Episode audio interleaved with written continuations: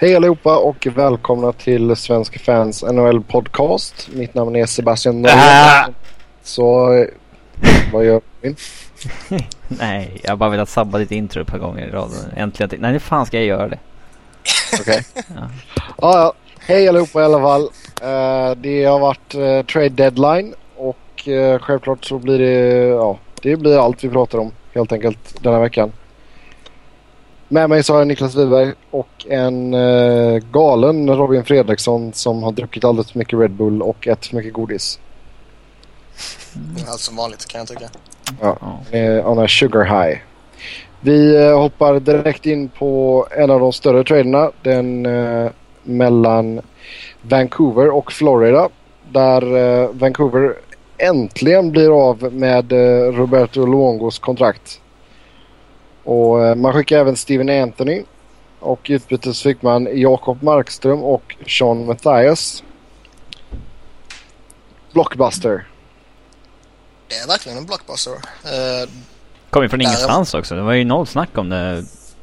Alltså det hade ju inte varit något... Det enda som var det var ju att... Det var en jättebomb ju. Det var att han liksom ja, det... inte startade i utomhusmatchen. Men det var, han har ju torskat fem matcher i rad medan Läck hade vunnit sen senaste tre eller någonting. Det var det, det, kom ju ändå lite, lite spekulationer. Men det var snarare, kändes det som liksom eh, den naturliga kopplingen man gjorde med tanke på Vancouver och Bobby Lou och allt som har hänt. Eh, men sen att det faktiskt skulle bli av och att det faktiskt skulle bli av eh, vid trade deadline, det var ju väldigt, väldigt oväntat. Ja, och sen alltså han var ju, de mötte ju Phoenix här då samma dag och um han tog morningskaten. De sa att han skulle starta. Han snackade med press och sådär innan och bara ah, det är en jätteviktig match och ser fram emot att starta och sen så någon timme senare så bara ah, tack och hej. Ja, nej det är jätteudda. Och sen är det ju kopiöst jävla misslyckande av Vancouver och hela den här målvaktssoppan blir ju bara liksom ja, den har ju... bara blivit så jävla värdelös det bara kunde bli. Det har ju tvingat fram att de måste göra en rebuild nu. Det är liksom Jo men då skulle man ju haft kvar Schneider alltså det är verkligen... Schneider hade de haft kvar Schneider hade de ju fortfarande kunnat utmana tror jag. Alltså, ja, men alltså de... Schneider och Longo borta inom, ja vad är det, nio månader? Mm. Ja. Alltså, ut, kanske alltså ett av ligans starkaste målvaktspar till Jakob Markström och Eddie Läck och Jocke Eriksson. Det är ju... alla fostrade av... Eh, alla fostrade av Pekka Alsen för övrigt. Mm. Ja, nej, det är, jag menar alla tre har väl potential givetvis ju. Eh, jo men, men det, eh, det, är ju lite alltså. Jag menar vad har de? Har de ens 50 starter emellan sig liksom? Ja, typ. Nej. Nej men alltså man går från att ha två, två elitmålvakter kan man kalla det till att få Ja man fick uh, Bo Horvath, Jakob Markström och Sean Mathias för bägge två. Det är ju... Uh, ja, alltså det är ju ett jättemisslyckande. Ja. Mike Gillis lär inte vara populär just nu. Han har inte varit populär uh, på ganska länge tror jag. Alltså det var jättelänge sedan han gjorde någonting bra överhuvudtaget liksom. Deadline var över där och alltså... Jäklar vad defensiv. Han var verkligen på försvarshumör uh, där alltså. Han var, såg riktigt butter ut och uh, väldigt... Nej men det var verkligen som han tog all, alla frågorna väldigt personligt och han bara nej vi ska inte prata om det och nej vi ska inte prata om det. Han såg ju väldigt sliten ut. Han ser mycket äldre ut nu än han gjorde för två år sedan. Ja, det, det var en två år på en golfbana. Mm. Han var på en golfbana ändå. Ja, han har redan tagit semester efter uh, den stora traden. Ja, men alltså nej, men helt ärligt nu alltså. Bör han få kicken alltså? Det skulle ja. han fått för länge sedan. Ja, alltså, alltså det här är ju inte det enda. Han redan när det, i början på den här jävla soppan. Som, alltså vi satt ju och pratade. Och vi pratat om målvaktssoppan i flera månader för fan. Och de har misslyckats med den och han borde fått sparken på grund av den anledningen för länge sedan. Eh, egentligen direkt efter eh, beslutet att dumpa Corey Schneider. Mm, Men nu som, som du sa där Robin, alltså att man ska gå in i en rebuild här nu. Men samtidigt så blev man inte... Man lyckades inte trada iväg Kessler och det var även snack om Edler och uh, ja, någon annan. Nu, kommer jag, nu blankar jag på namnet. Men det är om ett par andra spelare i Vancouver. Det, det, går ju lite spekulationer och lite rykten så att eh, de hade varit redo att eh, skeppa ut eh, Kessler i princip mot eh, ett, ett hyggligt utbud, eh, utbyte men eh, att ägarna eh, vägrade. Okej. Okay. Nej, för alltså vi kan ju komma till, eh, vi kommer ju komma till, eh, eller vi kan i och för sig hoppa på den direkt. Anaheim gjorde ju lite moves och bland annat skickade man iväg Dustin Penner till Washington. Och då kändes det ju ändå så som att de gjorde sig redo för att plocka in någonting större. Om du förstår vad jag menar. Då är det gick ju väldigt mycket surr om att de var jäkligt eh, haja på Kessler. Och Vanek och... Ja. Det var lite konstigt. Penner har ju varit jättebra där och... Man får ingenting för honom. Det var jättekonstigt eh, val tycker jag. Ja, det, var ju, det var ju tydligt man förberedde sig för någonting som du sa ju. Ja, och den uh, kedjan har ju funkat bra också. Ja, sen är det ju så alltså det... Gudarna ska ju veta att du står ju inte och faller um, på Dustin Penners eventuella medverkan. Nej, men de blev ett, eh, ett sämre lag. Mm. Ja, det beror på hur man ser på det. De fick in en hyfsad försvarare kan jag tycka.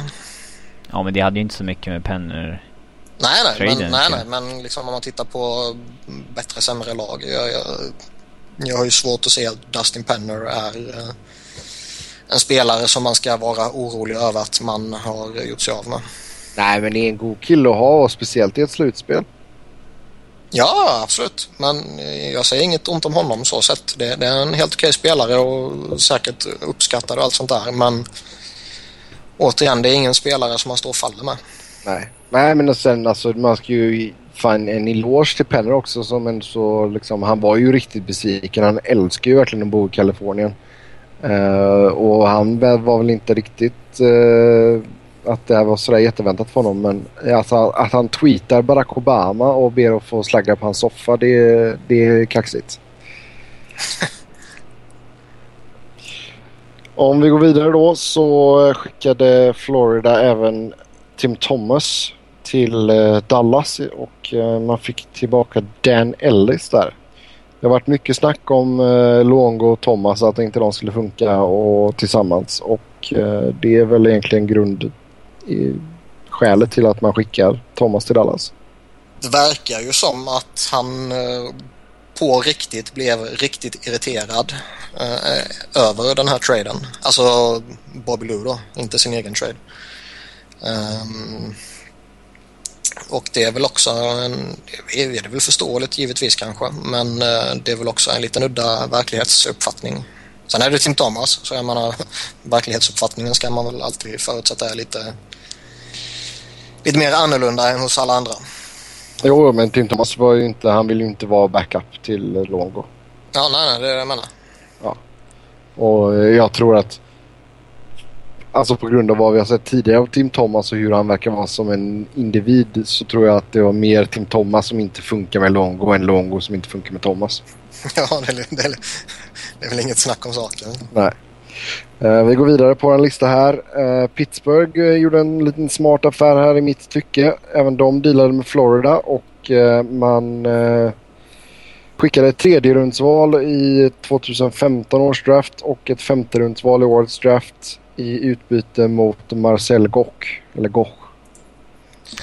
Ja, var lite konstigt för det var ju snack i början på säsongen att Goch var en av de som var liksom untouchable i Florida. En som de verkligen inte skulle byta bort. Och nu, nu skickar de honom i stort sett gratis till Florida. Eller till eh, Pittsburgh. Och mm. eh, alltså, det är ju en bra, bra deal för Pittsburgh där eh, där Brandon Sutter inte riktigt har fungerat som den här tredje centern. Jag tror att Marcel Gardge kan göra ett bättre jobb. Mm.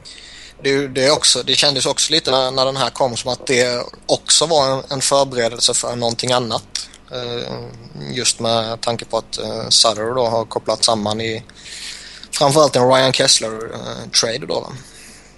Mm. Jag tycker det är en jättebra trade och jag har alltid gillat Marcel Gosch lite, lite, för den, den rollen han har. Så jag ser bara det som positivt för, för Penguins del. Mm. Yes. Uh, en annan trade som Pittsburgh gjorde det var att man uh, tradade till sig Lee Stepniak från Calgary och då skickar man ett tredje rundsval i årets draft. Det är väl en ja. liten chansning uh, givetvis. Han är väl inte ligans bästa spelare direkt. Men han har tidigare haft en förmåga att pricka in en, uh, en, en jätteformtopp. Det var väl bland annat i Phoenix för något eller några år sedan där han gick in och stänkte in mål mot slutet av säsongen när han kom in där. Mm. Ja, helt okej okay. okay trade. Ja. Jag alltid, känner ju alltid spännande när de tar in liksom en eh, någon med, som har haft lite sniper skills någon gång i tiden och sätter bredvid liksom Malkin eller Crosby. Det kan ju alltid hända grejer. Ja, absolut. Som är med Jussi Jokinen i fjol. Ja. Vi fortsätter med Calgary. De uh, skickar Reto Berra till uh, Robins Colorado i utbyte mot ett andra rundsval. Och uh, congratulations to Berra. Ja. Jag tyckte det var en ganska märklig trade faktiskt. Man har, det är väl ett tecken på att man har bestämt sig för att Reto Berra ska vara andra keeper nästa säsong och inte Juan Sebastian Giger. Men eh, ja, alltså Säg att François Allaire, det var hans val, alltså målvaktstränarens val att, att de skulle rikta in sig på just Reto Berra som han känner sedan tidigare. Men eh, Berra var ju inte liksom på marknaden, han var inte tillgänglig egentligen. Så att de fick betala vad Calgary ville ha helt enkelt. Det var ett andra val. Men det känns ganska ganska så dyrt med tanke på att på dagens målvaktsmarknad kan man ju nästan få en första målvakt för det priset. Jag menar, de hade ju kunnat fått Halak för ett andrarumsval. en Neuvert för en andrarumsval. Alltså, du hade kunnat få en mycket bättre målvakt för det.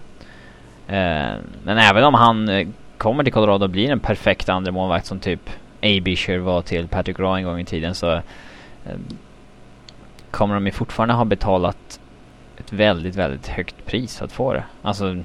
Sen samtidigt, jag håller med dig i det du säger. Sen samtidigt kan man ju liksom vända lite på resonemanget också. Att, eh, Colorado har det ju trots allt en, en väldigt ung core. Så det är inte så att man kommer lida enormt mycket av att ge upp ett andra val. Nej, absolut inte. Men eh, kollar man på vad spelare de har tagit i andra rundorna de senaste åren så är liksom det några av de bästa spelarna de har. Det är en Tyson Berry, det är en Ryan O'Reilly, det är um, uh, Chris Bigras som är liksom den största backprospekten de har. Och, alltså Reto Berras kontrakt gick ju ut i sommar också. Jag tror inte att liksom att det hade varit jätteklart med en förlängning i Calgary med tanke på att han är under 90% den här säsongen. Han har ju spelat bakom ett skitlag förstås men, men ändå. Uh, det är ju inget snack om att det är ett överpris. Ja, alltså man hade ju kunnat fått mycket, mycket bättre målvakt för den prislappen. Eh, det, man hade ju framförallt kunnat fått... Framförallt skulle man kunna få en likvärdig målvakt betydligt billigare. Det är ju det som är grejen. Mm. Ja, alltså... Dubnek gick ju gratis liksom och det... Alltså det... Den här prislappen på Berra säger ju att han skulle typ varit den näst bästa målvakten efter Longo som tradades senaste, eller efter Miller som tradades senaste dagarna. Av de tio som gick typ. Och det, det är han ju inte. Nej, Nej. inte i närheten givetvis. Mm. Fast det största, det som var mest förvånande kring Avs var ju att Paul Stastny varken är signad eller tradad. Och det... Det var väl det sista jag eh, nu är man i en situation där man mer eller mindre måste signa honom ifall man inte ska tappa honom helt gratis. Och han sitter liksom på allt leverage i en fortsatt förhandling numera. Och det är ju inte, man kan, inte optimalt. Man kan ju fortfarande få något halvvettigt för honom till, eh, alltså innan han blir UFA och skickar rättigheterna. Det, den utvägen har man ju alltid och med tanke på att eh, UFA-marknaden inte är så jättesexig denna sommaren så känns det som att man nog ändå bör kunna få någonting hyfsat för hans rättigheter om man nu väljer den vägen. Ja, kanske. Men alltså hade man li på allvar liksom shoppat honom igår, eller i, ja igår var det, när eh, när liksom Ryan Kessler inte gick och då hade nog många flyttat sin uppmärksamhet till Postasien som ändå är liksom han är som sämst en andra center, en pålitlig tvåvägscenter som gör liksom 70 poäng, 60-70 poäng per säsong. Det hade ju kunnat gett ett enormt utbyte. Ja, givetvis. Men alltså om vi går tillbaka lite snabbt här till målvakterna bara. Uh, du nämnde Halak som en potentiell målvakt där. Han har ju en så en helt annan lön och cap hit än vad Berra har. Mm. Men båda utgående kontrakt. Så att, ja. Jo, men jag tror att du kan signa Berra mycket billigare än vad du kan signa Halak. Ja, för att han är ja. mycket sämre målvakt. Halak nu sticker känner... du ut hakan lite Sebbe, känner jag. Ja, men, nej, men alltså Halak tjänar ändå 4,5 mille detta året. Jo, ja. nej, men det, det, det, handlar väl mer om man tittar på liksom själva priset i, i en ren kollar affär. Man, ja, kollar man på vad Berra liksom har presterat i hela sin karriär så det, ju, det finns ju inte en chans att han ska kosta ett andra val. Nej, vi får se. Han uh, lär väl förlänga, eller? Ja, annars är det en jätteflopp att ge ett andra val för en tredje målvaktsrental inför slutspelet. uh, vi håller kvar fötterna i Calgary lite. Det var mycket snack om Mike Camilleri men uh, det blev ingen trade för MC. Det kändes väl lite som att eh, jag tror Calgary skulle tjänat rätt mycket på att eh, skeppa ut honom. Framförallt som eh, man skulle behållit en lön. Alltså, jag tror ju, skulle man kunna få Mike Camilleri för 50% av hans capita, alltså du får honom på en capita på, på 3 miljoner så tror jag jättemånga egentligen skulle varit intresserade. Problemet var väl bara, eller problemet ska man inte säga, men grejen var väl bara att Calgary verkade väl inte vara jättedesperata att bli av med honom. Mm. De, de ser väl fortfarande ett behov av honom eh, i sitt kommande lagbygge också. Sen hade de nog rätt höga krav och det har man ju märkt på lite andra trades här att eh, liksom de, de höga kraven som klubbarna hade, de sjönk ju lite. Ja, och sen, alltså, jag vet inte om ni såg intervjun med Brian Burke. Han gjorde ja, några som de hade under trade deadline Ja, jag tänkte den första där han var när han snackade med uh, James Duthie. Jo, den sa jag. När han såg bitter ut och spelade bitter. mm.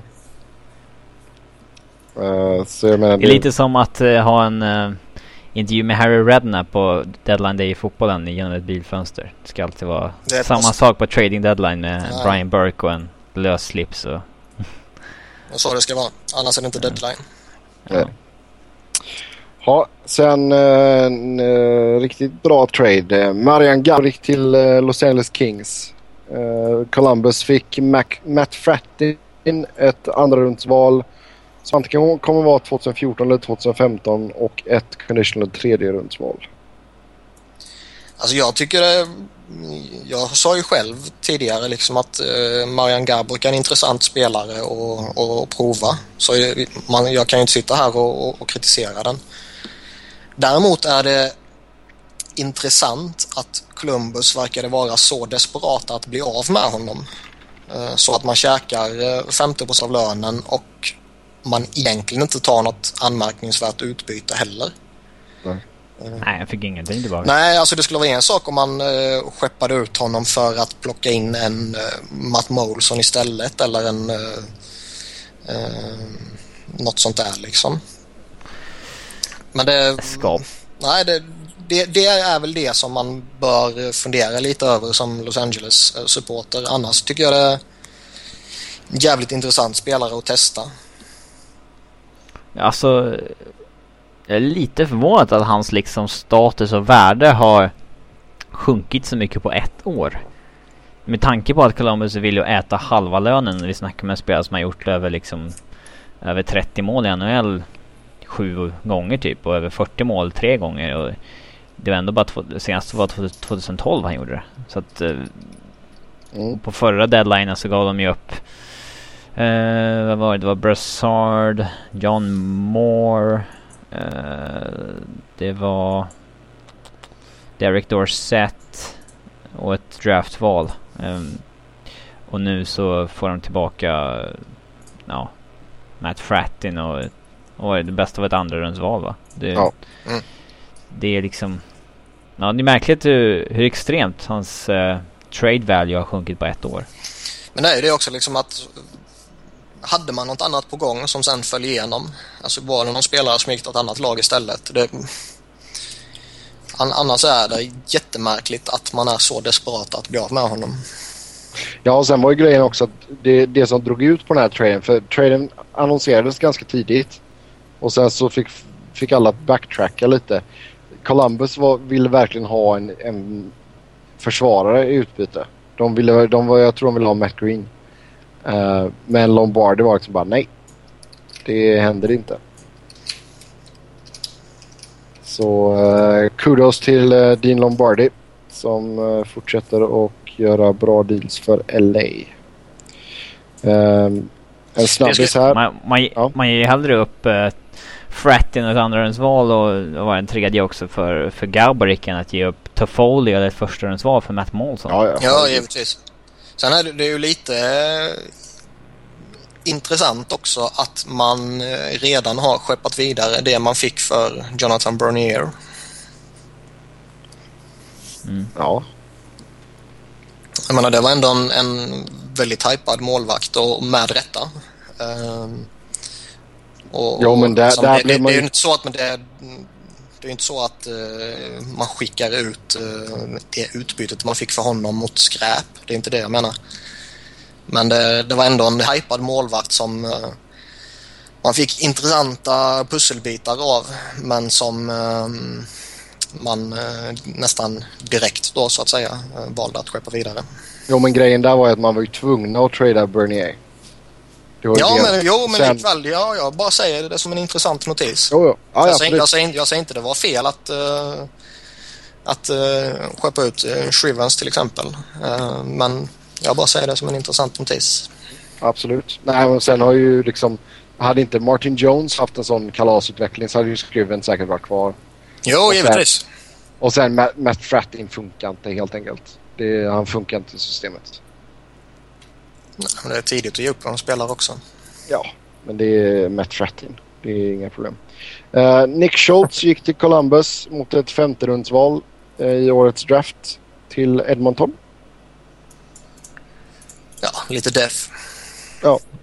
Uh, han spelar som har tappat rätt mycket senaste åren. Mm. Han var ju betydligt högre rankad för bara några år sedan. Sen eh, Edmonton skickade även iväg Ilja Brzgalov som gick till Minnesota så att de fick lite eh, säkring på målvaktspositionen där. Eh, Edmonton fick ett fjärde rundsval i utbyte där. Också i årets draft. Det mm. sägs ju lite att de kollade läget med typen Halak. Märkte att nej, det var för dyrt. Då skeppar vi ingenting till Edmonton istället så får vi Mr Universe. Ja. Uh, Känns smartare om det bara är av rental purposes liksom. Mm. Så det tog ju inte lång tid efter den traden förrän de bekräftade också att Niklas Bäckström, uh, att hans säsong är över liksom. Ja, exakt. Och sen uh, Harding har ju fortfarande problem med sin MS där också. Ja, nej, så det, jag menar det, han kommer säkert få sina chanser och det är liksom... Ja, ja och sen Kemper har varit bra i och för sig. Ja, men... Ja, jag vet fan, hur säger man hans efternamn? Nej, ingen aning. Men vågar ja, man liksom nej. lita på honom? Nej, nej, nej. Så jag tycker det är bra för Bryskalov. Akta för björnar bara. eh, Eller hur? Edmonton fortsatte att vara aktiva. Man eh, skickade Alice Hemski till Ottawa i utbyte mot ett tredjerundsval i 2015 års draft och ett femterundsval i årets draft. Ja, och Edmonton behåller lite lön där också för eh, Ottawa är väl eh, på ja, jättefattiga helt enkelt. Men eh, det, det, det, vad ska man säga, ur Edmontons synvinkel så är det väl det vi har sagt de senaste gångerna de har gjort någonting. Man agerar utan att uh, våga göra det här stora. Yep. Sen är det kanske någonting man helt enkelt valt att när vi tror marknaden är bättre eh, på draften eller eh, under sommaren och det kan mycket väl vara givetvis. Men så det, man ska väl ge dem lite, lite, vad säger man? Skit. Nej, jag menar inte det. Man ska väl ha lite förståelse för att det, det kanske är så de resonerar. Ja. Um, men, men samtidigt, det känns ju jäkligt gött att slippa snacka om Hemski nu för det har vi gjort i flera deadlines.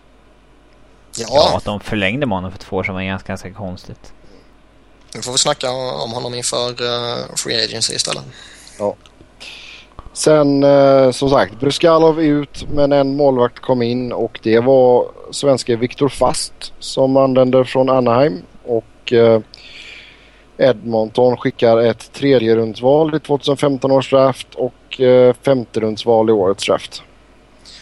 Det man kan säga är ju att eh, om man för ett år sedan skulle sagt att Edmonton har ett bättre målvaktspar än Vancouver mm.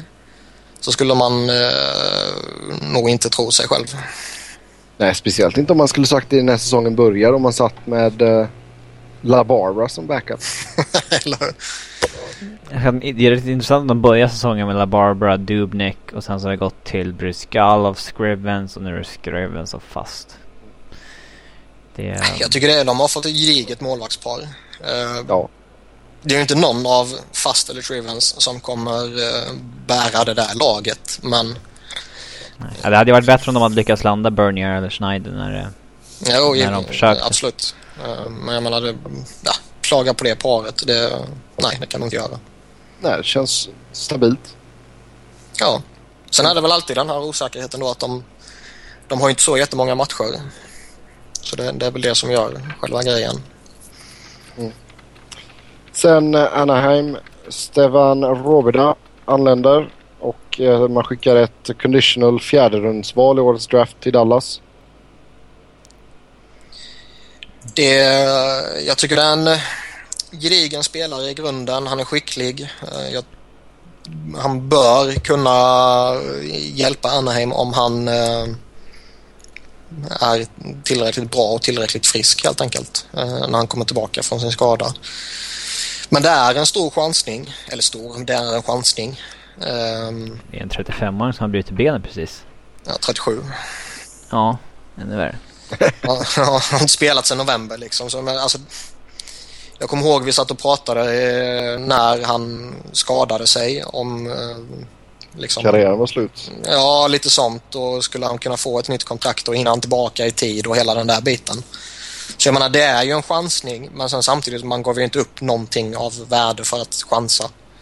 Nej. Eh, men om man tittar på bara spelaren i sig så är det en chansning att, att ta honom. Men det kan också bli jättebra. För i grunden är det en skicklig spelare som sagt. Ja.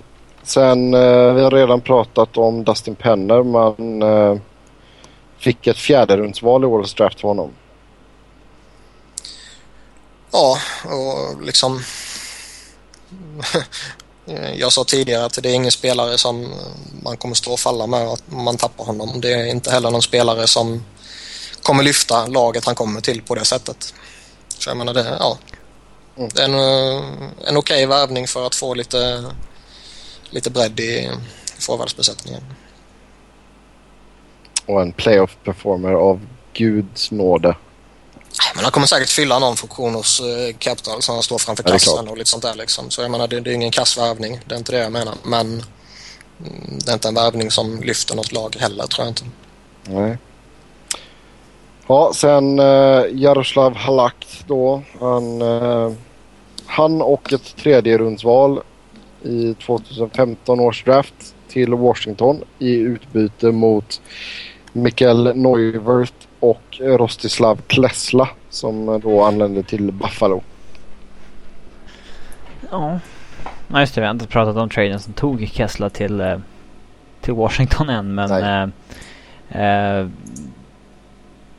Alltså, jag tror man insåg ganska snabbt att det inte riktigt fanns någon marknad för Halak. Och kanske också att Halak inte ville förlänga där. Att försökte man byta honom mot en likvärdig målvakt med Term. Och det är väl Michael Neuvert. Och det... Det... Det får väl ses som bra. De, de måste ju ha några målvakter där i Buffalo. Och eh, några som inte liksom släpper in allting. Det, det är farligt i en rebuild att ha för usla målvakter så att liksom ja, det är inte kul för kidsen att uh, så fort man gör ett misstag så här, ligger pucken i eget mål. Nej. Nej men även där tycker jag alltså Enrot och Neuvert det känns väl ändå så helt okej. Okay. Ja. Det är bra målvaktspar att gå in i en uh, rebuild med. Det är de, som, som Robin sa, de är tillräckligt bra för att uh, hävda sig så att säga och de är tillräckligt utvecklingsbara om man säger så för att växa tillsammans med laget. inte för bra så att man liksom spelar bort sig från en Conor McDavid nästa år. Nej, eller hur? De är lagom dåliga. hade Miller varit kvar så hade det liksom varit möjligt liksom, Ja, ändå. Ja, sen eh, Buffalo fortsatte att trada och man skickade Matt Molson och eh, Cody McCormick till Minnesota i utbyte mot Tory Mitchell, ett andrarumsval i årets draft och ett andrarumsval i 2016 års draft. Mm. Har någon koll på den draftklassen än? 2016? Nej. Uh, ja, det blir inte... Ja, f- det är inte då uh, han Sean Day ska gå va? Är det 2016? Uh, kanske 17? Ja, ja, skitsamma. Uh, Matt Molson i alla fall kommer till Minnesota och det känns ju som ett skönt statement av, av Minnesota både till fansen och till truppen att man, uh, att man tar in en sån här kille. För det är ju verkligen en, en, en, gamebreaker som man säger här borta nu. Han kostade inte mycket heller. Tory Mitchell hade ju begärt en trade bort och två andra val. Det är, det är helt okej, verkligen. Um, så får man se om man har möjlighet att förlänga med honom eller inte, men... Um, ja, vi får se. Alltså det, det, det enda man kan säga det är väl att jag tror han kommer vara nyttig för dem och jag tror han skulle vara nyttig för vilket lag som helst. Men det är ju inte en spelare som går in och dominerar en matchbild. Utan det är en ren och skär målskytt. Ja. Och det, det är inget fel i det givetvis men eh, man ska ju vara medveten om vad man får också. Sen kommer ju eh, Minnesota dock ut i första runden och även om, även om de tog in Molson. För de kommer ju få lag som kommer etta i Central. Om det är St. Louis eller Chicago det får vi se men de, de kommer få spö. Ja, man kan inte, Enormt med spö. man kan inte plocka bort dem så här tydligt på förhand. Det tycker jag inte. De har ändå ett gediget lagbygge. Mm. Svepta. Och sen det, alltså, det hjälper ju också um, på så sätt att nu kan man ju lira Danny Heatley i en tredje kedja också. Ja, de har spelat han i en fjärde kedja under säsongen så de har nog inga problem att peta han om han är tillräckligt dålig. Nej. Däremot så liksom, ja, man får in en målskytt och det är givetvis alltid nyttigt inför slutspelet. Sen Så han blir nog inte kvar rätt nästa säsong? Det blir väl en free agency. får se. Ja. Det beror väl på om de kan lösa uh, vad som händer med Vanek. Ja, för så, det, ja, alltså det... De måste ju lösa med grejer med Molson först innan Vanek eftersom... Ja. Ja. Ja, vi får se vad som händer. Uh, annars uh, snacket med Buffalo då. Man behöll Chris Stewart som man fick i uh, Ryan Miller-traden. Mm. Man, eh, han hade behöll- jättekvar kvar på kontraktet så det var inte samma panik Nej, liksom. nej, nej, absolut inte. Men det var ändå så om att man skulle skicka iväg honom. Uh, Christian Ehrhoff behöll man. En annan kille som det snackades om. Tyler Myers. Och av någon anledning så var det trade-snack om Henrik Talinder. Ja, men alltså det är en sån där kille som...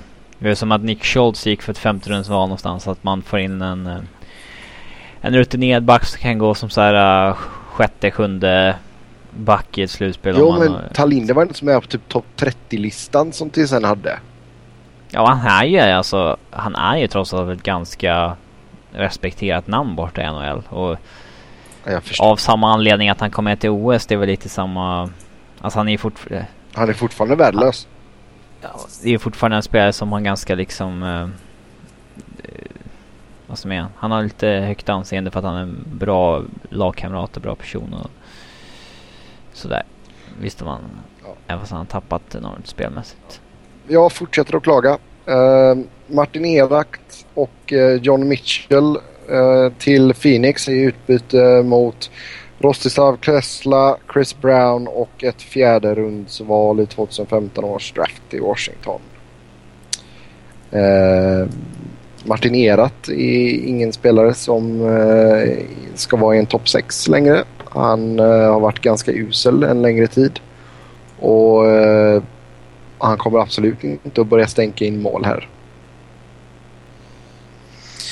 Nej, men det är lite som vissa andra trades vi pratar om. Alltså man, det känns som att man gör en trade för att man vill göra en trade.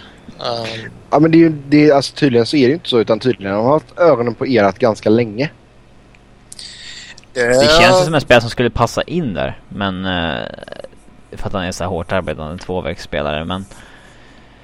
Eh, Uh... Jo men det är fortfarande inte tillräckligt. Fast gre grejen är att alltså, resonemanget är ju att ska, ska man lyfta Coyotes ett snäpp till, vilket de uh, skulle behöva för att kunna hota i uh, ett eller en konferens som är rätt bra så är det ju inte matinerat som räcker. Nej. Det är som jag tror, alltså detta är bara vad jag tror men nu tror jag inte så att man kan ta den sista wildcard-platsen i och med att Vancouver har blivit sämre. Winnipeg har åkt på en jäkla skada med Scheifly där. Uh, och sen, ja det är ju mellan, så det är mellan dem eller Dallas liksom. Mm. Ja, när slutspelshopp finns det ju definitivt och jag tror väl också de tar det nu kanske. Men... Uh, nej, men sen är det, det skulle behövts är... en bättre spelare om man vill lyfta laget. Ja, ja. Sen är det väl det här... Det här är inget som gör dem sämre. Nej, det är inget alltså... som gör dem sämre och det, jag menar, det breddar lite. Men uh, för att få den här lyftet som, som jag anser de behöver, det, det får man definitivt inte. Sen är det väl en sån spelare som Coyotes gillar i och med att han har en capita som är dubbelt så hög mot vad han faktiskt tjänar också. Ja, exakt sista året på kontraktet så, eh, som är nästa år så tjänar han ju bara 2,25. Liksom det är ju... Ja det är ju inget överkomligt. Jag menar man betalar ju 2,1 miljoner till Dave Moss just nu så det är ju inte några problem så sett. Um, men som sagt det är lite för lite. Det var, man var inne i diskussionerna om uh, både Molson och eh, uh, Hemski också men uh, det, jag tror att man nöjde sig med Erat för att han hade ett år kvar där också. Mm. Sen tror inte jag att det, alltså priset för Hemski hade varit dyrare för Phoenix. I och med att Edmonton kanske inte hade varit lika sugna på att trada honom i, inom divisionen liksom. Uh, men Edmonton har inget, uh, alltså de har inget med divisionen att göra längre. Så nej men alltså om du tittar roll. på framtiden. Uh, UFA. Ja. Sen... Uh, alltså man ger ju inte upp någonting direkt. Alltså Klessla har ju varit helt värdelös sen han åkte på sin hjärnskakning på försäsongen.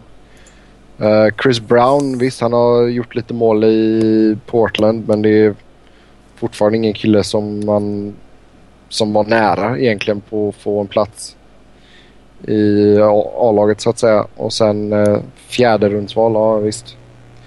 Uh, John Mitchell och uh, jag vet inte varför han inkluderas i den här traden överhuvudtaget. Han är... Antalet kontrakt kanske som ska ja, jämnas ut. Ja, det är väl något sånt. Jag menar det är en kille som är, jag tror han redan är 27 år gammal och ja, en nobody liksom.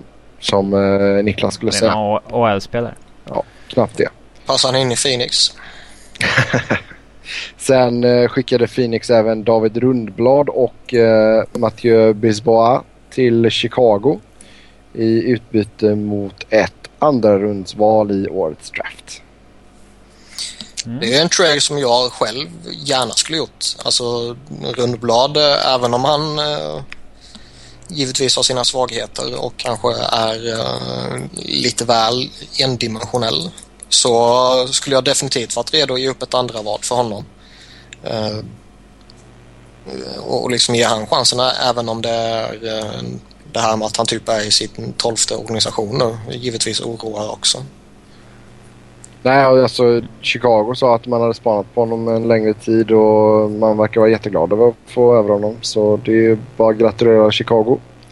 Det uh, fanns ingen riktig plats för Rundblad i Phoenix organisation med tanke på att man redan har Keith Yandel som är den där, som Niklas säger, väldigt endimensionella offensiva backen. Eh, och ja, som sagt, han fick aldrig riktigt en chans. Uh, Frå ja.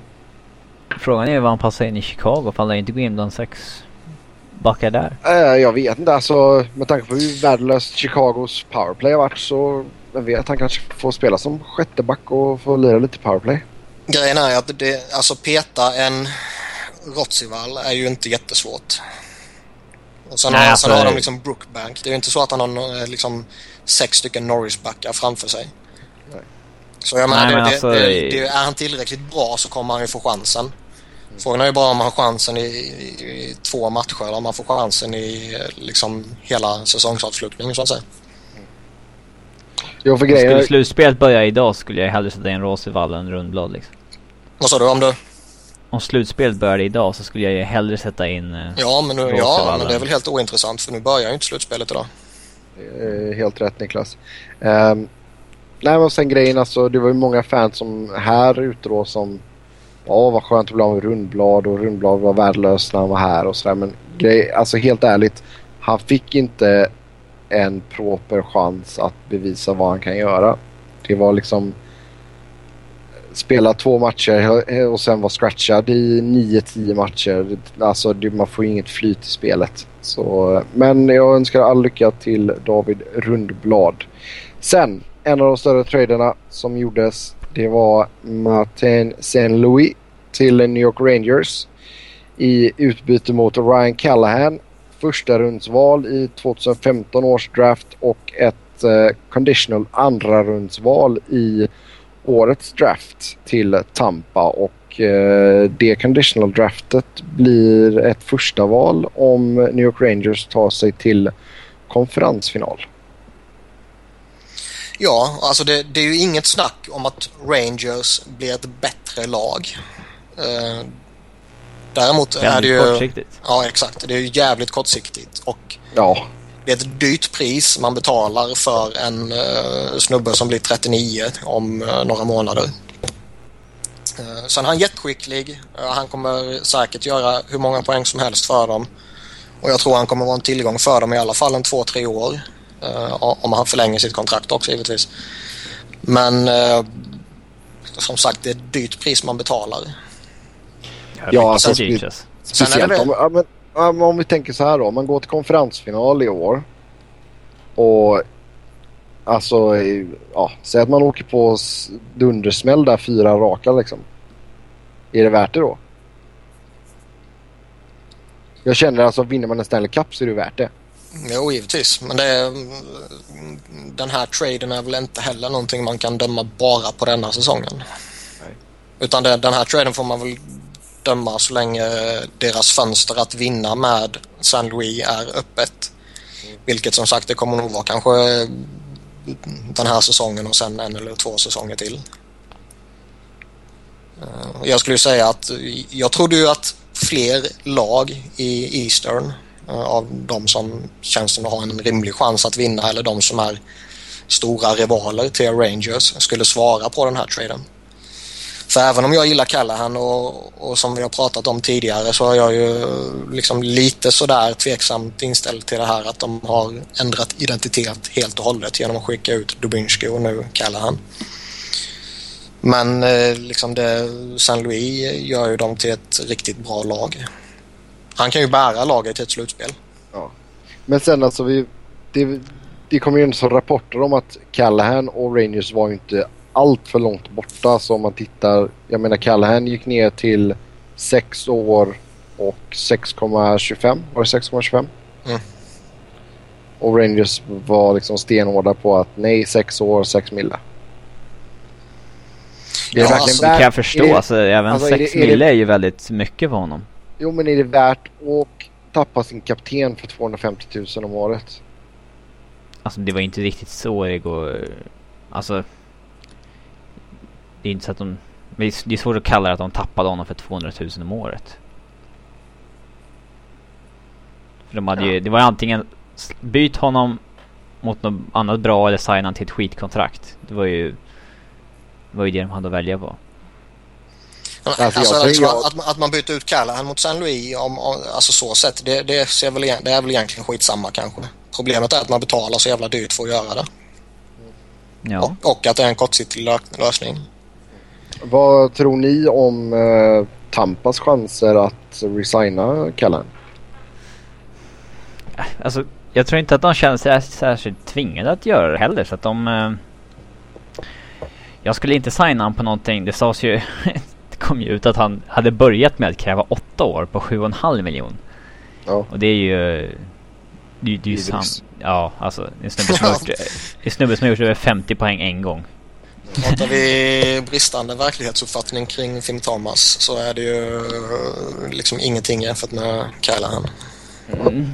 Ja, alltså... Men de får ju troligtvis ett förstahandsval, ett andrahandsval Kanske till och med att det blir liksom två val Och det är inte jätteotroligt om Rangers går till konferensfinal i East. Där liksom vem som helst kan gå till konferensfinal i år känns det som. Av de som är i slutspel där. Eh, då har ju Tampa fått ett riktigt bra utbyte. Jag tror inte de känner sig särskilt tvingade att signa Callahan. De kan liksom behandla honom som en rental utan att det är något större problem. För att... Alltså med tanke på att San Louis krävde trade och med tanke på att han bara skulle acceptera en trade vad det verkar som till ett lag så får man ju ett jättebra utbyte. Ja, verkligen. För man skulle ju kunna alltså... hamna i en situation där man verkligen måste skänka bort honom. Mm. Så att man und Men... undvek det. Det är ju en jätteframgång för Steve Eisenman. Sen är det ju en jättemisslyckande att eh, lagkaptenen kräver trade. Ja. Men tror, tror ni att Callahan och hans agent kanske tittade över på andra kusten eh, på Dustin Browns kontrakt? För Dustin Brown fick ändå så åtta år och en capita på drygt 5,9. Ja, ja, men 5,9 är ju inte 7,5. Nej, men alltså så kände de att ja, men vadå om Dustin Brown får det här så liksom jag är några, något år yngre och jag är... Ja, man har inte så mycket bättre. Anser att jag är bättre. De är inte jätteliknande de kontrakten ändå. Nej men jag menar om han, om ni förstår alltså hur jag, hur jag tänker. Jo, det, alltså, det är klart tänker. man tittar ju på likvärdiga spelare och ja. likvärdiga kontrakt och David Clarkson. Jag menar för ja. ett sånt kontrakt så är liksom det är klart det påverkar givetvis. Ja men, men där, ska ju, där ska ju motargumentet från Rangers bara vara ja ja men det är Toronto. Nej men alltså det är klart bara för att en spelare eller två spelare eller sju spelare eller tio spelare eller ännu mer är på märkliga kontrakt som är överbetalda så innebär inte det att den tredje spelaren eller den elfte spelaren eller vad som helst ska, ska bli överbetald också. Så jag, jag kan på ett sätt eh, tycka att Rangers gjorde det bra som verkligen körde liksom det här är vårt maxbud och då går vi jävligt högt ändå. Ja. Eh, å andra sidan så är det också alltså de Rangers har ju de senaste åren kört rätt eh, lite så här fulspel med, med sina RFAs och liksom nu tappar de sin, sin lagkapten. Kanske för att det har påverkat tidigare. Det, som Flyers-supporter så är det givetvis lite glädjande. Och sen eh, Tampa då alltså med potentiellt två stycken första rundsval där också.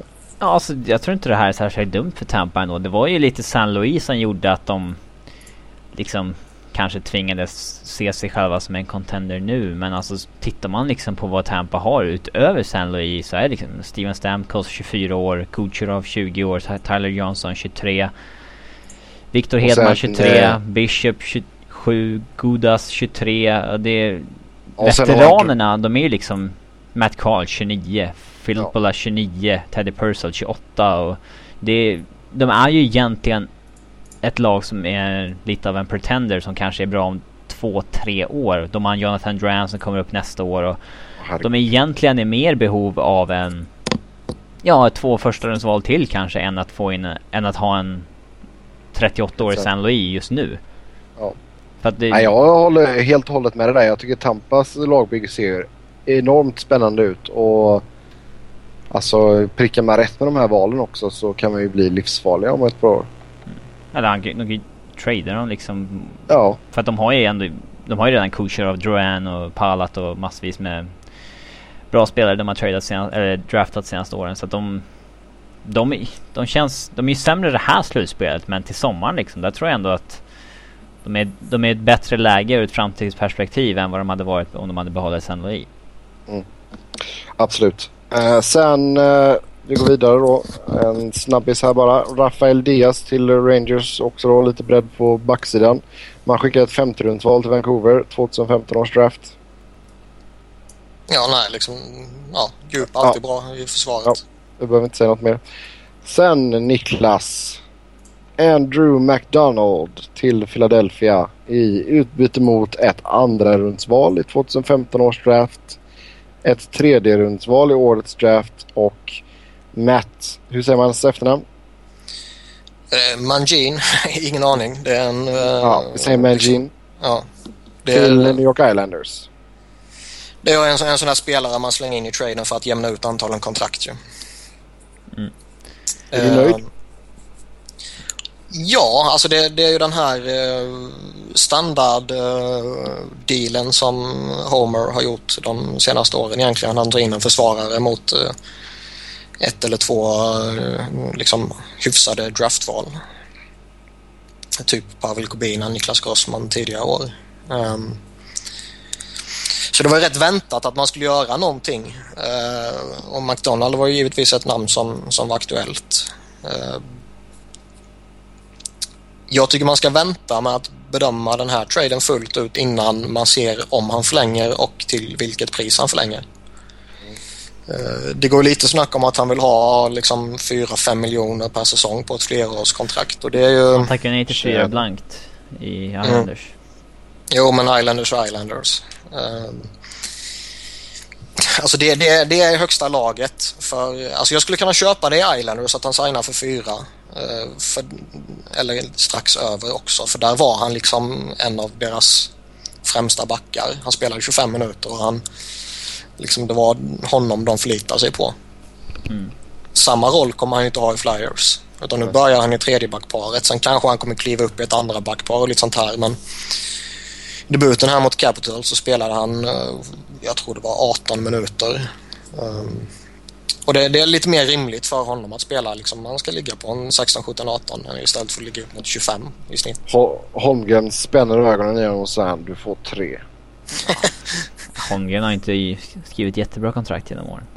Nej. Men alltså det, uh. det, det är nog svårt att säga till McDonalds och framförallt hans agent att liksom Ja, vi kommer inte överbetala för dig när man ser liksom att Grossman har 3,5, Chen har 3,6, Strite 5,2, Kimonen har 6, Coburn har 4,5.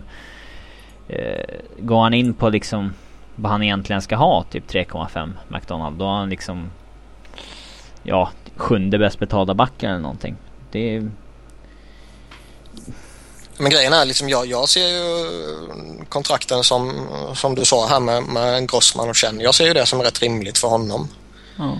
Att, han, att han landar under fyra någonstans. Uh, framförallt så liksom skulle man lyckas bli av med Niklas Grossman till sommaren kanske så eh, ser inte jag några problem att skriva ett sånt kontrakt med McDonald. Kanske till och med uh, kring fyra då liksom. Ja, sen uh, blir man ju av med Andrei Metsaros. Han gick till Boston och man fick ett eh, tredje rundsval i årets draft där. Eh, var detta tredje val, det tredje valet man skickade till Islanders eller? Nej, det här skedde, skedde efter. Det skedde okay. efter. Okej, okay, så man får Boston. Det var ju lite nedköp. Ja, fast det är en massa jävla conditionals fram och tillbaka där eh, det kan eh, förbättras till ett andra val om det om, om Boston går till eh, konferensfinal och han spelar två tredjedel av matcherna eller om han förlänger innan draften. Och sen var det något sånt där om han förlänger efter draften så kunde de få något till. Alltså det var jätteflummigt. Ja, okej. Okay, okay. Men, ja, men, men du, ju... du, är glad att bli av med Mesaros? Ja, han skulle varit utanför laget om man sätter ihop bästa backbesättningen. Det snackades lite om under säsongen att det var liksom ingen som ville betala ett sjunde rundsval för honom i stort sett. Och att man kanske skulle behöva tvingas ge någon ett draftval för att ta Messaros. Och det... Ja, han, han var skitdålig i början på säsongen. Sen hade han ju en uh, liten lyckoträff där inför OS och gjorde väl ett, ett okej okay OS och har inte varit dålig efter OS. Men uh, Alltså tittar man eh, namn för namn och framförallt lite hur eh, tredjebackparet fungerar så är det ju inget snack om saken att även om man inte skulle tagit in McDonald så fungerar tredjeparet bättre än när det är Gustafsson, Luxen än när det är eh, Metsaros med någon av de två. Eh, en av de andra större traderna som gjordes det var ju att eh, Thomas Vanek och ett eh, Ja, vad blev det för val där egentligen Niklas? vad fan får du mig för? Det är du som är programledare. Jaha, men det är du som har skrivit körschemat. ja, conditional... Uh, ska jag behöva gå in och dubbelchecka här nu? Conditional andra rundsval av Sebastian Karlberg mot Vanik och ett conditional femte rundsval. Ja, så var det. Yes. Uh, Vad säger vi om den traden? Det kändes billigt. Ja. Det är ju Gert Snow som har shit the bed här när han har krävt för mycket för Vanek i hopp om att försöka rädda vad misstaget de redan gjorde och nu har han lyckats sabba det ännu mer genom att ja, till slut med bara några minuter kvar innan deadline så fick han ju ta vad som fanns helt enkelt och det var ju Monter Montreal som hade snackats noll om. Hade glidit in och erbjudit ett andrahandsval och en, en prospect som inte ser ut att nå NHL i Sebastian Karlberg. Så att... Ja, i Islanders kan han väl ändå få lite speltid? Ja, alltså... Ja, alltså... Eller? Snacka med mig när han har gjort mer än tre mål på 40 SHL-matcher. Mm. Han har ju alltid gjort bra på juniornivå men... Alltså... Han är ju... Alltså, det har inte hänt ett skit på seniornivå fortfarande trots att han har lirat en bra bit över 100 elitseriematcher nu har han inte gjort 10 mål. Så att...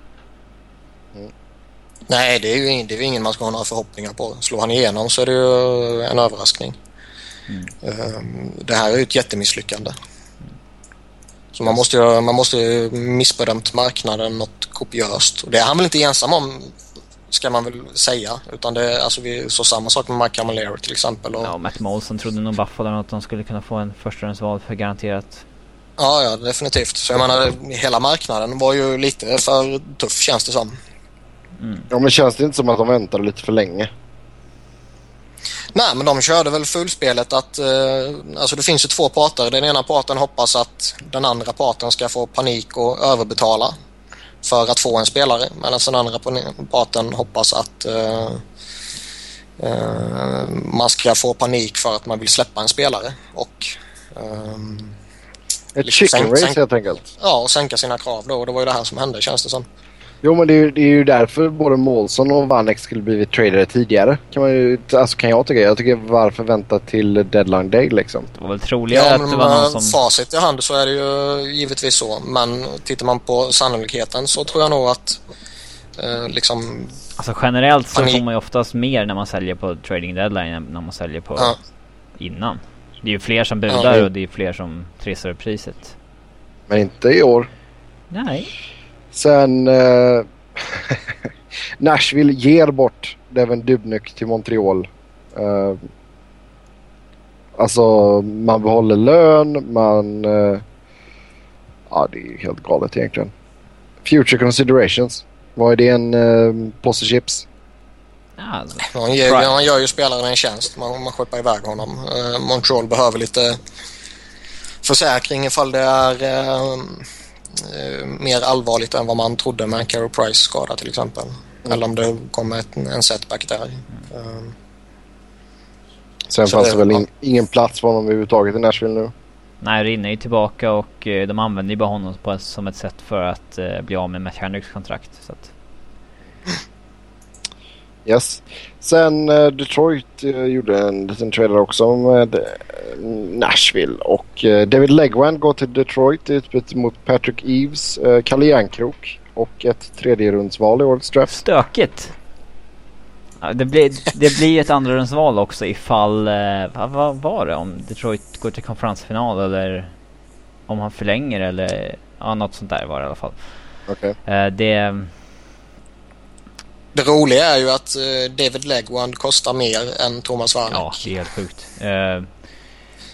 Sen är det frågan eh, hur mycket påverkar den gamla rivaliteten mellan Detroit och Nashville? Alltså, ja. I hela hockeyvärlden så tror jag inte bara det är Sebbe Norén som fortfarande sitter och tänker på Shea Weber när han dunkar in huvudet i, eller alltså Henrik Zetterbergs huvud i sargen. Och det har ju varit lite sådana Eh, Eh, situationer och lite rivalitet i divisionen tidigare och lite sånt där. som mm. Kanske kan det ha trissat upp ett pris. Ja, kanske. Kanske. Eh, men liksom ett tredjehundsval som kanske blir ett andra för David Legwan. Fine. Patrick Eves blir av med ett kontrakt på en deftspelare som inte behövdes längre. Fine, men att Kalle Järnkrok slängs in här, det är ändå det kommer ju direkt lite spekulationer från Bob McKenzie att det lutar åt att han kanske sticker hem i sommar för att han inte trivs i, i Nordamerika. Okej, okay, då var det så okej, okay, då, då är det väl lite förståeligt. Uh, jo, men alltså surret som jag, som jag har förstått i alla fall från uh, Detroit-bloggare och sådär. Det är inte så vart att Kalle ville ha en chans i NHL eller så sticker han hem. Ja, eh, då... Och han har ju bättre möjlighet att få spela i Nashville. Alltså han har ju bättre möjlighet i alla organisationer i och med att det finns ju ingen organisation som håller kvar sina spelare i AHL så länge som Detroit. Uh, men... Uh, Samtidigt snubben har inte ens gjort en säsong i AHL. Nej. Nej absolut inte. Men sån som Tatar eller någonting, han har ju fått vara där ett halvt decennium. Uh, men det är lite, det påminner lite om när Forsberg gick till Nashville i fjol att om man har liksom sunat på en spelare och inte vill ha kvar honom eller om den spelaren inte vill vara kvar hos dig och så här, Det är ju fortfarande så att Kalle Järnkroks trade value eller allmänna anseende är ju mycket högre än att vara en del i ett package för David Legwan. För det är fortfarande en spelare som har... Uh, vad ska man säga? Han har ju... Det försvann Sebbe där tror jag. Men ja, skitsamma. Ja, det blir bara bättre. Ja, men Kalle Järnkroks, eh, de har ju liksom, de har sagt att han är den största talangen de har utöver Anthony Manta. Och det är ju... Det är ju liksom, det är ganska stora ord. Men... Uh, ja, ändå så är man bara en del i ett package till Nashville. Jag, jag tycker att Nashville gör en kanontrade här. De får en jättebra prospect och ett bra draftval. Eves förlänger han väl inte med eller behåller som en bra depth nästa år. Men David Le det, jag tycker ändå det är en, en underskattad uh, spelare för de lägre kedjorna. Ja, men de har ju, hade ju så jäkla många så att... Uh, alltså de har ju försökt bli av med Toto, Eves, Emerton och ett, ett gäng för att de... De har ju jo, men det är, det är de dåliga de försöker bli av med. Nu har de fått en, en, en, liksom, en helt okej okay spelare. Mm. Ja, de har ju haft som, de har ju Drew Miller och, alltså de har ju haft så jäkla många som kommit upp och gjort det bra. Joakim Andersson, Glenn Denning, Riley Sheehan och massvis med spelare. Så att de hade egentligen, de hade kunnat skicka tre, fyra depth forwards Detroit då, utan att det gav någon skada. Så att det, det, det är ju en jättebra trade för Nashville tycker jag. Så Järnkrok och Forsberg i, i Nashville? Mm. Eh, det kan man väl säga. Men jag tror också att Legwan, det är liksom en eh, det är en Michigan-kille som eh, förmodligen är jäkligt peppad på att dra till Detroit och han kommer göra betydligt fler poäng än vad han skulle gjort i Nashvilles system. Där, där, han har spelat det hela livet. Och han kommer gå in i en andra kedja idag med Franzén och uh, Nyqvist. Ja, Nyqvist var det. Och det tror jag... Ja, det är ju två heta spelare. Mm. Men det är klart han kommer ha goda förutsättningar för att göra det riktigt bra i Detroit. Sen är det alltid lite tråkigt på, på ett sätt när uh, ja. en spelare som liksom verkligen är en organisation lämnar på det här sättet. Mm. Ja, det hade ju varit samma sak med en Brodeur om det inte... Ja, nu blev det ju inte av som tur var men... Ja, ja på tal om New Jersey då.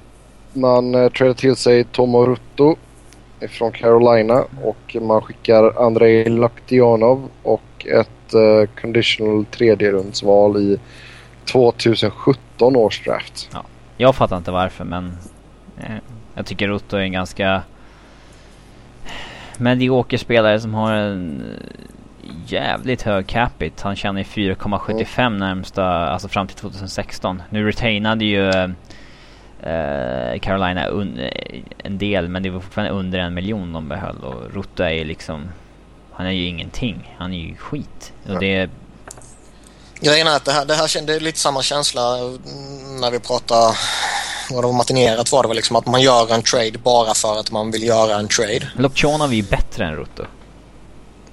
Ja, i princip. Och de skickar in ett tredjedelsval också.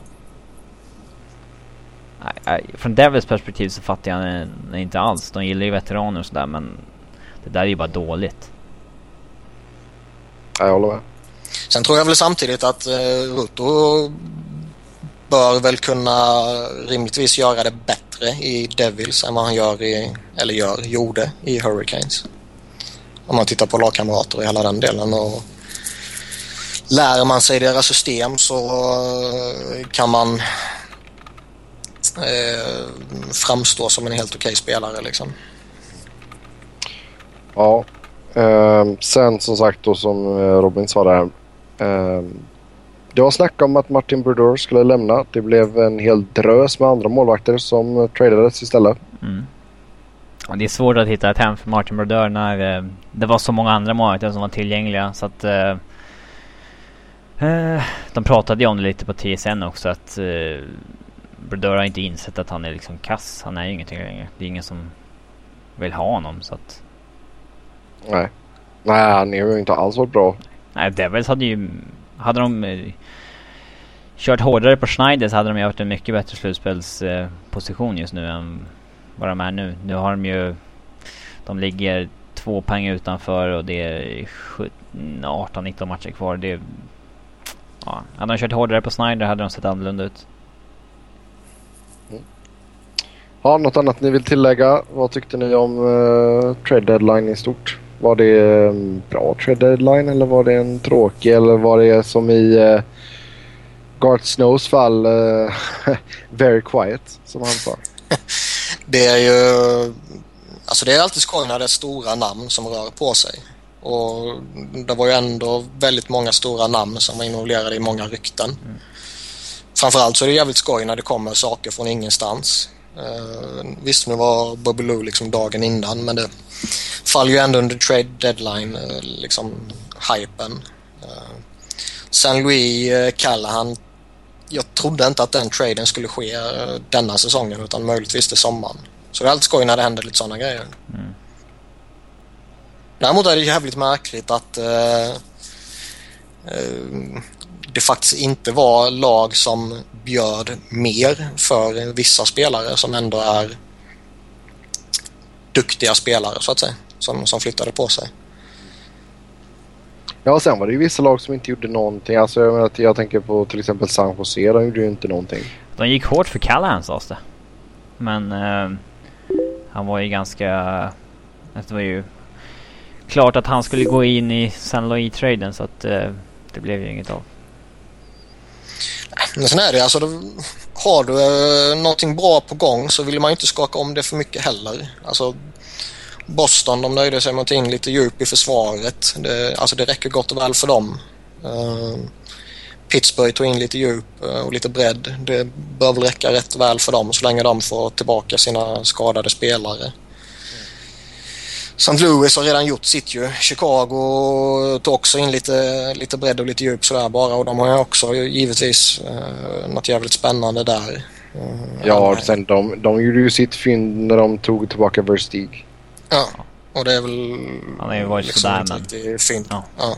Jo, men alltså med tanke på vad man gav upp med det. Ja, jo. Och sen liksom samma sak Anaheim San Jose. Ja, det var inte jättemycket stort där heller.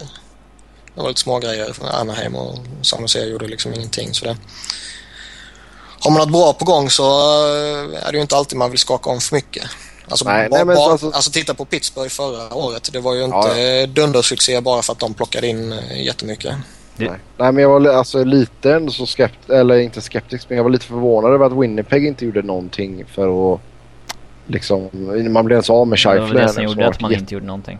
Hade han varit frisk då ja. hade man nog gjort en push för, för slutspelet, men de tappade honom så då, då gav man nog upp. För de har inte råd att offra någon framtid direkt för att uh, göra en push för slutspelet nu heller. Det enda Nej. jag kunde tänka mig det var att de skulle skicka ett sjunderumsval för typ Brodeur och hoppas att han liksom ändå har en liksom, han kan ju ändå vara bra en 10-15 matchers period sådär och han är ju bättre än, ja, eller ja, han är kanske bättre än Andrei Pavlic i alla fall. Um, jo men det är klart ja. han är för fan. Ja men alltså, spelar de 10-15 matcher var så det är möjligt att Pavlic är bättre den vändan. Men, uh, ja. Nej. Nej. Men det var ju en del uh, Chris Phillips, han var ju på väg bort men han signade två år istället på två och ett halvt. Uh, Mark Stewart var på väg bort kanske men alltså han signade fyra år på 2,6. Där såg man ju att uh, Winnipeg är ett lag där man får betala ganska dyrt med term och cap för att behålla sina spelare. Uh, Brad Boyce var också på väg bort men han signade ju två år med Florida för 2,6. Uh, att Anton Hudobin förlängde med två år i Carolina det öppnar ju lite för att Cam Ward uh, mycket möjligt försvinner till sommaren. Fast det är möjligt att det är en ny långa situation att ingen vill... Alltså det, det finns ju ingen som letar målvakt. Det, det skulle vara om liksom Islanders... Ja, kanske bestämmer sig att okej okay, vi, vi lägger lite pengar på en Cam Ward nu och hoppas på det bästa. Uh, Scriven signade ju ett liknande kontrakt också, två år på 2,3. Ja. Ha. Vem, vilka skulle ni säga är de stora vinnarna? Montreal. Ja, Montreal och LA. Ja, ganska bra spelare utan att ge upp någonting egentligen. Så att... Uh... Mm. Jag, jag säger uh, Montreal. Uh, men får man inkludera St. Louis, eller St. Louis? St. Louis? han vann. Det var inte säga. Nej, nej, jag Blues, St. Louis Blues. Ja, ja. ja det, blues det, jag. Får man inkludera dem i deadline-snacket så... Ja, så, det vet jag inte om man får. Men de nej, det är därför jag är lite tveksam. Det är därför jag är lite de, tveksam. De gjorde en jävligt bra trade och de ser ju... De, grejen med St. Louis var ju att de inser ju här att vi har ett fönster på några år här nu där, där vi kommer vara jäkligt bra. Uh, så jag tycker ta in Miller och Steve Ott. Det, jag tyckte det var skitbra då, gjort av dem. Chris Stewart har ju varit, uh, jag vet inte, det känns som han är lite ojämn. ja.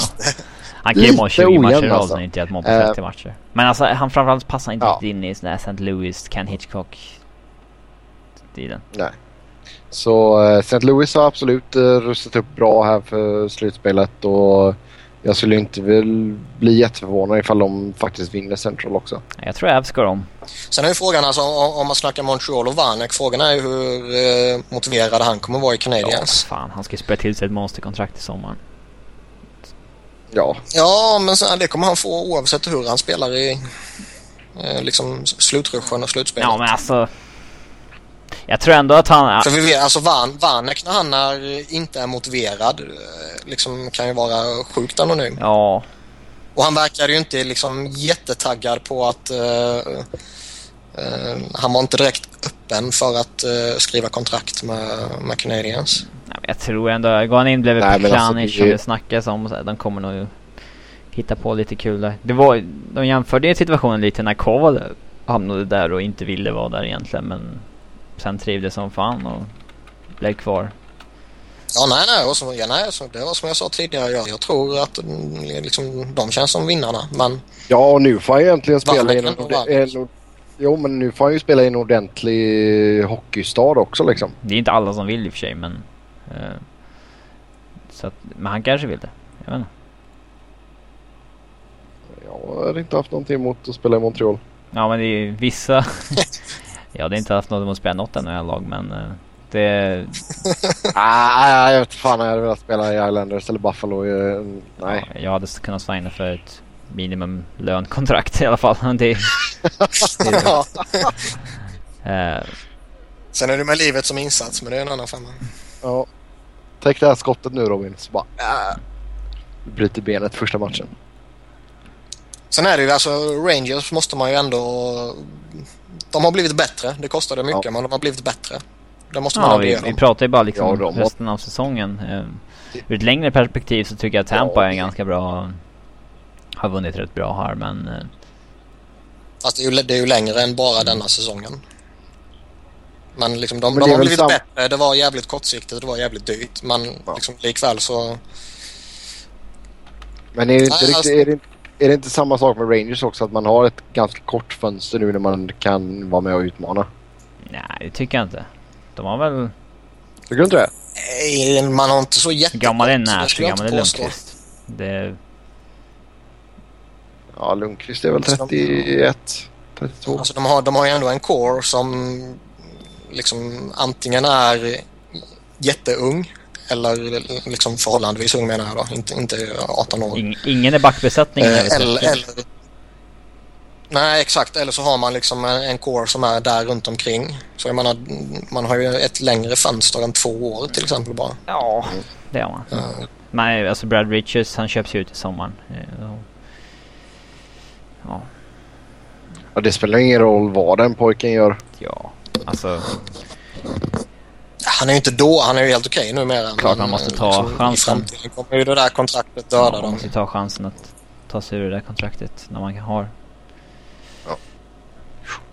Yes. Vi eh, tackar för oss för den här veckan. Som vanligt så vill ni köra hockey med oss så går det bra att göra det via Twitter. Mig hittar ni på att Noren. Niklas på att Niklas Wiberg, Niklas med C och enkel V och Robin hittar ni på R underscore Fredriksson med två S. Tills nästa vecka. Ha det gott. Hej!